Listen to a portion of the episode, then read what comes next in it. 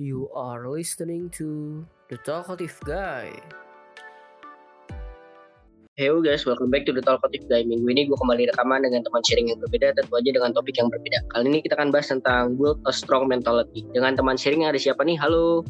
Hai, aku Natali. Aku sekarang lagi ini sih, kebetulan udah memulai kuliah, jadi ya lagi udah siapin lah gitu. Oh gitu, kuliahnya tapi masih online kan ya? Apa gimana? Iya, online, kan nggak bisa terbang. Oke, terus dengan di masa pandemi kayak gini, kesibukan yang makin padat kayak gitu gimana sih? Maksudnya pusing kah atau fine-fine aja sejauh ini nih selama enam bulan ini nih? Uh, Sebenarnya fine-fine aja sih. Aku lebih ke gimana ya? Pertamanya pasti bosen banget lah pas pandemi. Aduh gila nggak ke mana-mana gitu. Sekarang kan Hmm. udah mulai kayak normal lah. Ibaratnya cuman ke mana-mana bisa pakai masker gitu kan. Dulu tuh ya apa ya pas lagi awal-awal.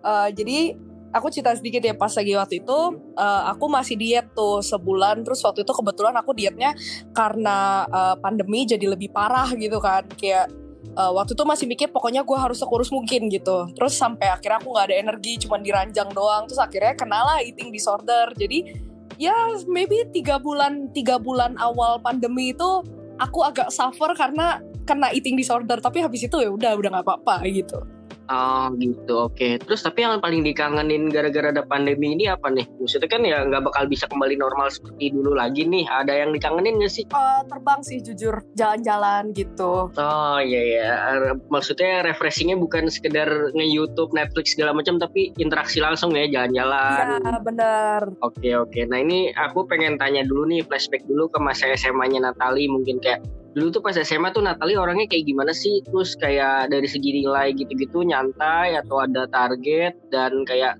transformasi kedewasaannya sampai sekarang gimana perubahannya? Jadi kebetulan sebenarnya dulu itu aku waktu awal SMA itu aku anak belajar banget. Jadi aku ibaratnya teman aku itu cuma satu. Terus aku anak gereja banget deh gitu kan. Terus sampai ada satu titik kelas maybe kelas 11 semester 1 gitu. Tapi meskipun aku anak belajar banget tapi secara sosial aku jalan gitu loh. Aku kayak suka berteman sama semua orang gitu. Tapi teman deket aku itu juga cuma satu gitu kan. Suka main lah kenal semua orang gitu-gitu. Terus tapi ada satu titik uh, waktu itu aku ngerasa kayak aku nggak happy gitu loh kayak aku belajar terus tapi aku nggak pernah pergi jalan-jalan sama teman kalau diajakin aku nggak mau aku lebih pilih belajar gitu terus Hmm. Akhirnya uh, satu titik aku mulai coba membuka diri gitu untuk jadi udah lalu lebih berani gitu lebih harus lebih apa ya kayak belajar juga tapi lo harus punya hidup lo tuh harus well rounded gitu lo harus belajarnya jalan tapi lo juga harus punya teman berorganisasi gitu. Uh, akhirnya ya udah uh, lebih ini sih jujur sih seru cuman aku agak nyesel karena kalau dengan pola pikir aku yang sekarang ke SMA dulu pasti lebih seru gitu karena dulu aku mikirnya tuh teman gak penting yang penting belajar kayak gitu Hmm, oke oke. Nah, terus proses lulus kelas 3 terus pemilihan jurusan yang sekarang ditekuni itu gimana tuh prosesnya tuh? Langsung nyoba yang ini atau gimana? jadi kebetulan dari dulu aku itu eh, emang pengen banget sekolah di luar negeri aku memang pokoknya aku harus sekolah di luar negeri gitu kan. Terus Eh, jadi aku udah targetin gitu. Dulu aku aku sih bilang ya aku gila gitu. Dulu aku kayak kalau nggak nilai rat kalau nilai rata-rata lu nggak 90 lu nggak boleh pergi ke Kanada. Jadi aku kuliah di Kanada. Eh, terus jadi makanya terus aku sampai kayak tato print eh, logo Unia terus aku taruh depan meja belajar aku gitu. Terus ya udah belajar gitu. Terus kalau untuk jurusan sih memang aku mau bisnis gitu sih. Oh gitu. Terus dari segi orang tua ke support aja tuh. Sebe- sebenarnya kayak ngingetin udahlah jangan terlalu ngoyo apa gimana apa gimana. kalau dari orang tua justru kayak support sih. Soalnya koko aku kan juga sekolah di luar negeri jadi kayak memang di support gitu. Oh, Oke oke. Nah ngomongin orang tua, orang tua tuh mendidik Natal itu dari kecil kayak gimana sih? Dan pesan apa yang paling ingat sampai sekarang? aku tuh jujur dibebasin jadi kayak terserah lu mau ngapain gitu. Kayak lebih ke ya paling ya normal nih buat orang normal buat orang tua. Kayak eh, marah kalau kita ada salah gitu. Cuman kayak yang aku jadi seneng itu adalah karena jadi kayak belajarnya tuh lebih ke pengalaman dari pengalaman sendiri gitu loh, bukan karena Hmm, orang tua restrict ini restrict itu gitu. Jadi dibiarin emang nyebur nyobain dulu gitu ya, baru belajar salah apa benernya gitu ya. Iya, Oke, nah terus tapi kalau misalnya ada pesan nggak sih, misalkan yang bawelan-bawelan orang tua atau apa gitu yang paling diinget sampai sekarang gitu ke Natali dari orang tua? ini sih harus kayak mikirin orang lain juga. Jangan kayak terlalu mikirin diri sendiri gitu. Harus uh, maksudnya kayak kalau misalnya aku ngakuin sesuatu soalnya kadang aku kayak misalnya aku pergi sama temen kan lupa pulang biasa gitu. Ya kan kasihan supir aku tuh nungguin gitu sampai kayak jam 8 padahal dia ada cucu gitu kan aku juga nggak enak gitu. Oh, oke oke. Berarti sekarang kuliah semester berapa nih Natal ini? Oh aku baru masuk aku baru Baru masuk. iya Kan ini kan kuliah di luar nih, berarti nah itu kayak ada ospek-ospeknya atau kayak pengenalan-pengenalannya dulu gak nih kalau dengan masa pandemi kayak gini nih? Jadi kalau kebetulan kalau di university aku itu pasti Hah? dari kemarin sih udah dibikinin zoom zoom gitu. Cuman jadi tuh aku tuh sebenarnya uh, ospeknya tuh di sana tuh seru banget. Jadi mereka bikin kayak party, terus kayak uh, nanti tuh aku dibawa jalan-jalan ke alam-alamnya, terus kayak ke mall, terus ada paradenya gitu-gitu.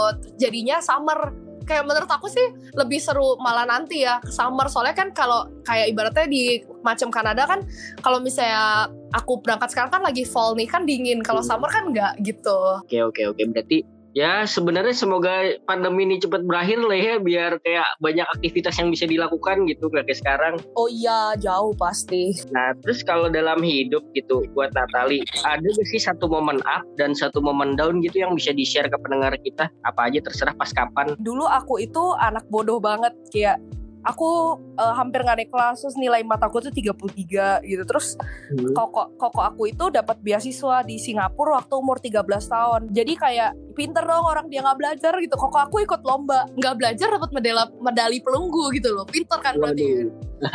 Iya Nah, terus akhirnya ya aku aku waktu itu dari aku padahal tuh dulu males banget aku nggak mau belajar. Terus aku kayak gue pengen gitu loh. Terus waktu aku mau daftar semua orang tuh ketawain aku. Karena ya logik lah. Kayak kalau aku jadi teman-teman aku juga aku ketawain diri aku sendiri gitu kan. Terus waktu itu aku udah sampai daftar aku udah tes sampai lima kali aku nggak ada yang lolos gitu tapi yang aku senang adalah saat itu tuh aku nggak sedih sama sekali. Dan aku benar-benar tuh dulu aku cuma mikir kayak pokoknya gue mau ini aku benar-benar belajar dari pagi sampai malam. Karena aku lebih parah daripada teman-teman lain gitu loh yang kayak X min 5 sama dengan 7 gitu aja aku nggak bisa jawab gitu. Nah terus dan aku ngerasa justru kadang gini kadang tuh pengalaman yang ada dalam hidup kita itu misalnya kita mau masuk PTN gitu tapi kita nggak masuk situ. Itu bukan PTN-nya yang mau eh, ibaratnya Tuhan kasih buat kita tapi lebih ke prosesnya gitu loh. Karena kalau misalnya dulu aku nggak ngelewatin itu aku nggak bakal jadi orang yang ibaratnya ambisius itu yang nggak patah semangat. Aku orangnya kalau misalnya aku udah ngelakuin sesuatu aku salah ya udah nggak apa-apa. Ya justru karena kayak kalau misalnya kayak Thomas Edison gitu kan dia ngomong kalau misalnya uh, failure itu adalah kemenangan yang tertunda gitu kan. Jadi kayak aku dapetin itu gitu. Oh, oke oke. Nah, terus dalam hidup Natali nih, ada gak sih keputusan yang sampai sekarang tuh paling buat Natali bahagia lah, kayak nggak nyesel milih itu gitu. keputusan yang paling aku seneng itu adalah waktu itu aku uh, jadi vegetarian. Jadi aku ini vegetarian dari setahun yang lalu. Jadi tuh Oke. itu juga lucu sebenarnya, Hah? kayak konyol gitu loh. Jadi waktu itu aku kan banyak kebanyakan nonton Ellen talk show Ellen tuh sama kayak aku uh, dengerin Ariana Grande gitu-gitulah biasa. Terus aku iseng, aku nge-research gitu kayak mereka itu uh, vegan gitu kan. Terus aku waktu itu doa, iseng doang. Aku lagi di Marugame Udon tuh di GI lagi makan terus aku doa Tuhan ini bakal jadi makanan daging terakhir dalam hidup gua gitu udah besoknya tuh bener-bener aku nggak makan daging lagi kayak ngeliat aja aku nggak mau gitu loh lucu kan aku juga bingung Oh, gitu Oke oke. Heeh. Itu terus benar-benar segampang itu, Natali. Maksudnya nggak ada tantangan apa gimana gitu selama menjalaninya gitu? Enggak aku sampai sekarang nggak pernah makan daging. Karena itu juga waktu itu terus uh, pas lagi aku nggak udah nggak mau itu udah nggak uh, nggak kepengen makan daging tapi habis itu aku kepikiran. Jadi kan dulu aku 75 kilo terus kayak udahlah ya udah sekalian gue diet gitu mikirnya. Terus ya udah keterusan. Dan dari situ aku belajar buat lebih hidup sehat sih. Kayak sekarang aku uh, aku kan udah nggak diet lagi. Olahraga aku makan sehat itu ya buat sehat aja bukan buat kayak maintain berat badan gitu itu sih aku paling seneng gitu Oke oke, poin yang menarik itu. Nah kalau di umur yang sekarang nih biasanya anak muda identik dengan yang namanya insecure gitu. Yang buat Natali insecure di umur sekarang apa? pastinya penampilan lah itu udah pasti lah ya karena gini jujur aku itu karena di apalagi Asia apalagi di Indonesia. Beauty standard di Indonesia itu adalah lu harus jadi sekurus mungkin gitu loh. Apalagi aku kan ibaratnya kayak ikut di kayak endorse endorse nggak jelas ya kayak gini lah gitu kan. Itu Hmm. bener-bener semua orang tuh kayak mikirnya lu harus sekurus mungkin baru itu cakep gitu. Tapi aku aku personally aku nggak setuju dengan itu gitu. Aku tipikal yang aku tuh depan orang yang fake gitu loh yang kayak Cardi B, Megan Thee Stallion. Itu yang Hmm, menurut aku uh, beauty standard yang aku suka gitu loh. Kayak emang enggak Kendall Jenner, Hailey Baldwin itu juga cakep. Cuman untuk aku sendiri aku lebih demen yang berisi gitu kan. Nah kadang ya pastilah ada yang ngatain gitu aduh lu gendut. Padahal enggak. Aku tuh aku 170 cm kan. Tapi aku 63 kilo. Ibaratnya ya lebih berisi lah daripada cewek-cewek lain yang berlomba-lomba jadi kurus gitu. Ibaratnya gitu kan. Hmm. ya pastinya kadang-kadang aku eh, ini juga insecure gitu sih. Cuman ya udah aku lebih banyak kayak nonton konten-konten yang kayak tentang body inclusivity terus kayak beauty itu inklusif nggak cuma satu tipe badan gitu-gitu sih buat kayak lebih apa ya tenangin diri gitu lah Hmm, Oke oke. Biar tidak terdominasi oleh negatif-negatif yang tadi ya lebih baik yang asupan positifnya ya berarti ya. iya heeh. Oke, nah kalau untuk soal pengalaman dietnya itu yang awal-awal itu berarti yang tadi Natali cerita yang di masa pandemi awalnya gimana tuh? aku ceritain dari awal. Jadi dulu itu aku kan yang aku udah pernah bilang aku pengen sekolah di Kanada deh. Terus aku itu waktu itu 75 kilo. Jadi aku bilang, lu kalau nggak 50 dulu, aku kan obses sama Kim Kardashian tuh. Terus aku Hmm. tahu dia itu dulu tahun lalu itu 56,4 kilo gitu. Terus aku bilang, lu kok nggak 56,4 kilo, lu nggak boleh ke Kanada gitu. Terus Wow. ya udah dari situ aku mulai diet dan mulai diet. Sebenarnya awal 6 bulan pertama itu normal-normal aja, tapi gara-gara waktu itu kebanyakan nonton konten eh, orang-orang yang kurus-kurus gitu akhirnya masuk ke dalam otak aku gitu loh kayak harus kurus mungkin, harus kurus mungkin gitu. Nah dari situ mulai toxic sampai aku eh, maaf aja sampai aku udah nggak datang bulan. Sampai aku waktu itu pernah pada sekolah, aku cuman makan 600 kalori sehari. Sedangkan orang itu ibaratnya lu kalau diet ya minimal 1500 kalori gitu kan. Hmm. Itu sampai aku tuh bener-bener pulang udah tidur lah nggak bisa ngapa-ngapain udah lemes gitu ibaratnya gitu kan. Ya sampai akhirnya aku kena eating disorder cuman gara-gara aku pengen martabak udah sebulan nggak aku kasih. Akhirnya meledak eh, nafsu makannya tuh meledak. Sampai aku nggak tahu nggak bisa bedain lapar sama nggak lapar. Jadi satu hari aku bisa makan bayangin ya. Satu hari aku makan satu pizza gede ya. Aku waktu itu pesan domino pizza aku masih ingat banget. Aku pesen pizza satu martabak. Itu kan banyak banget tuh martabak keju. Itu Iya. aku makan 8 sama 8 indomie sama coklat dua eh, dua bungkus gede terus sama sama minuman apa lagi nggak tahu deh ya gitulah sampai saking parahnya tuh sampai segitu habis makan merasa bersalah banget tapi aku tetap lapar gitu loh Oh, oke oke oke. Terus akhirnya tapi sampai sekarang sudah pulih kembali kan maksudnya udah normal kembali ya nafsu makan segala macam ya apa gimana nih?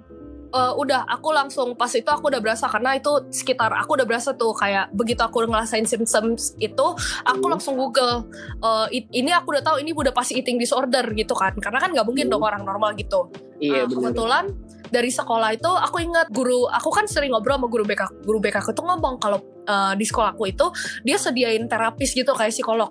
Jadi aku langsung aku telepon guru BK aku terus aku bilang aku jelasin eh, jadi gue punya eating disorder ini ini ini ini.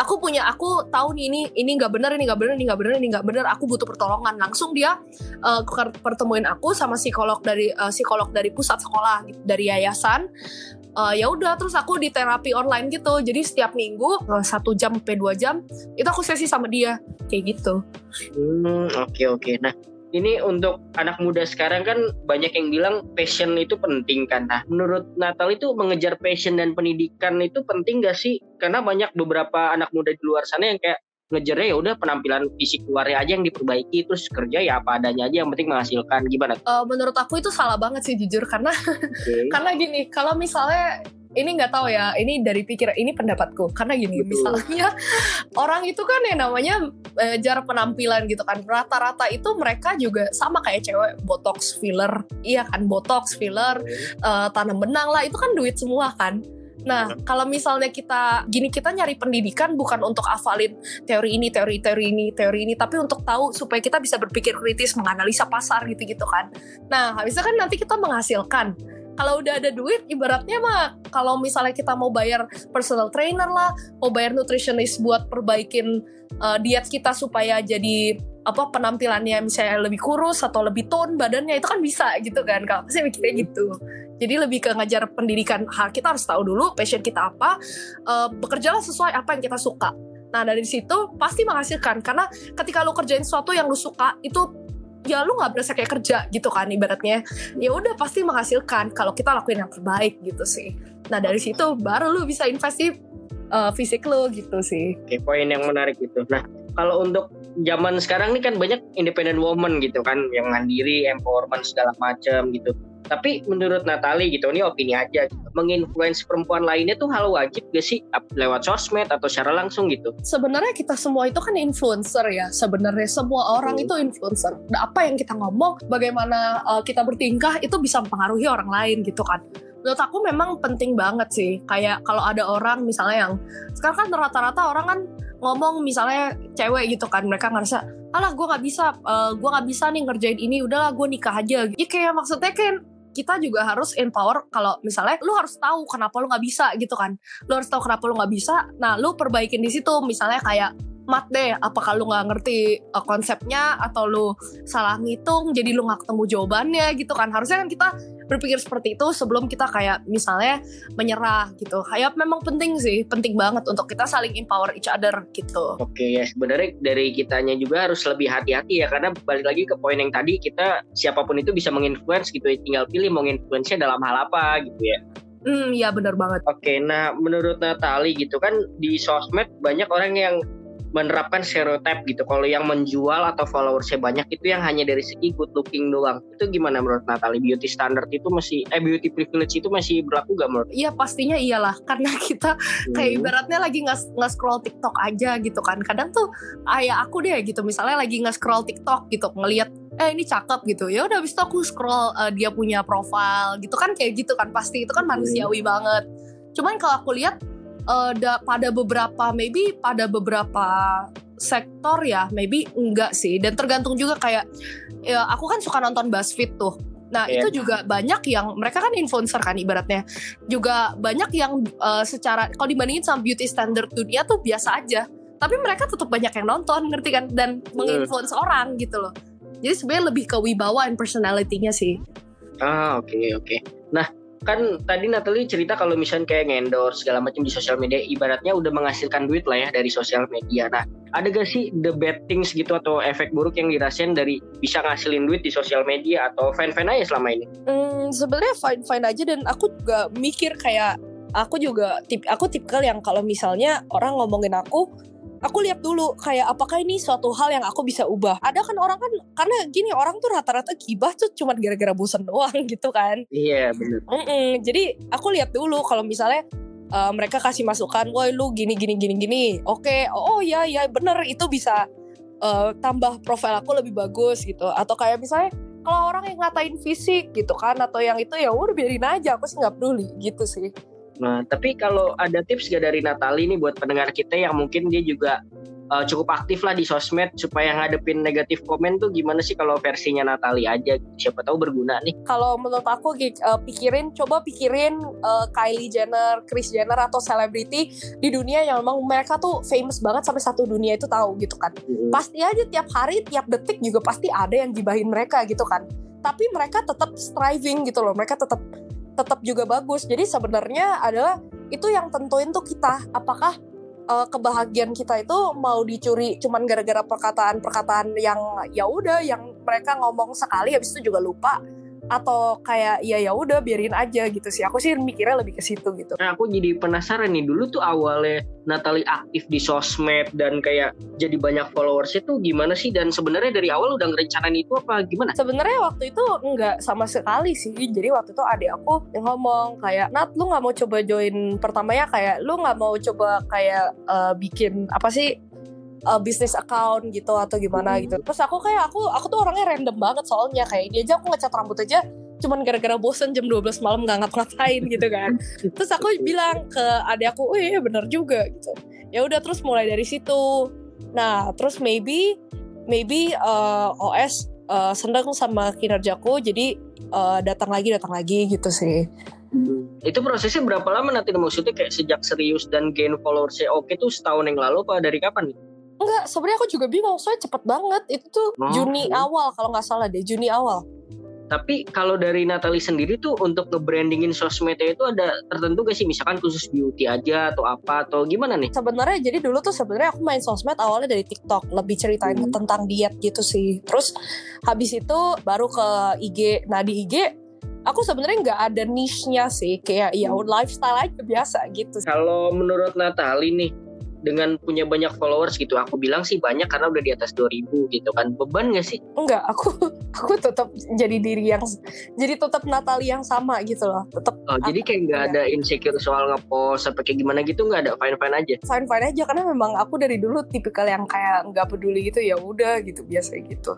Oh, jadi emang dari kepribadiannya Natalie yang emang udah di set bahwa nggak peduli lah ya, bahwa yang penting Na- Natalie happy gitu ya. Eh, iya karena aku mikirnya aku tuh sebenarnya ngembangin profile ini bukan buat kayak eh, nyari fame atau apa kayak anak muda yang lain kan biasanya wah gue mau panjat gue mau eksis gitu. Aku mau pengen aku jujur aku pengen kerja di BuzzFeed. Jadi kayak supaya ada pengalaman ibaratnya di sosial media gitu kan. Lebih ke itu yang aku kejar gitu Oke, nah ini ada pertanyaan dari aku juga nih kalau misalnya ada perbandingan gitu. Menurut Natalie tuh, ini menurut Natalie aja opininya gitu. Di sosmed itu sebaiknya emang ya kita apa adanya aja lah dalam arti ya udah yang apa namanya yang bagus yang jelek bisa di di post gitu atau sebenarnya kayak membuat image tertentu aja gitu ya udah yang baik-baik aja sih yang di post. pastinya kita sendiri mau ngepost yang bagus-bagus lah pasti kan. Kan nggak mungkin bisa foto aib kita post gitu. Nggak masalah Uh, gitu ya. harusnya yang penting kita sendiri pilihan kita aja. Yang penting lu maunya gimana gitu. Gitu sih kalau aku.